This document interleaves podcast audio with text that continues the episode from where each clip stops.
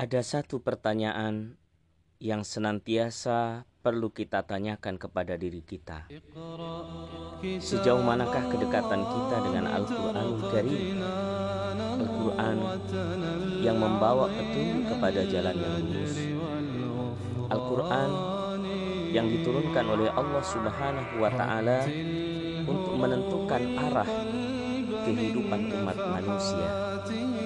Orang-orang yang berpegang teguh kepada Al-Quran akan ditinggikan oleh Allah Subhanahu wa Ta'ala, dan orang-orang yang meninggalkan Al-Quran akan dihinakan oleh Allah Subhanahu wa Ta'ala.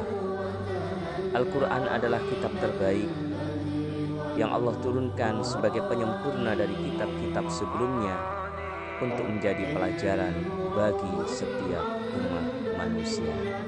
Maka dari itu, tanyakanlah kepada diri Anda, diri kita semua, sejauh mana perhatian kita terhadap Al-Quran Al-Karim.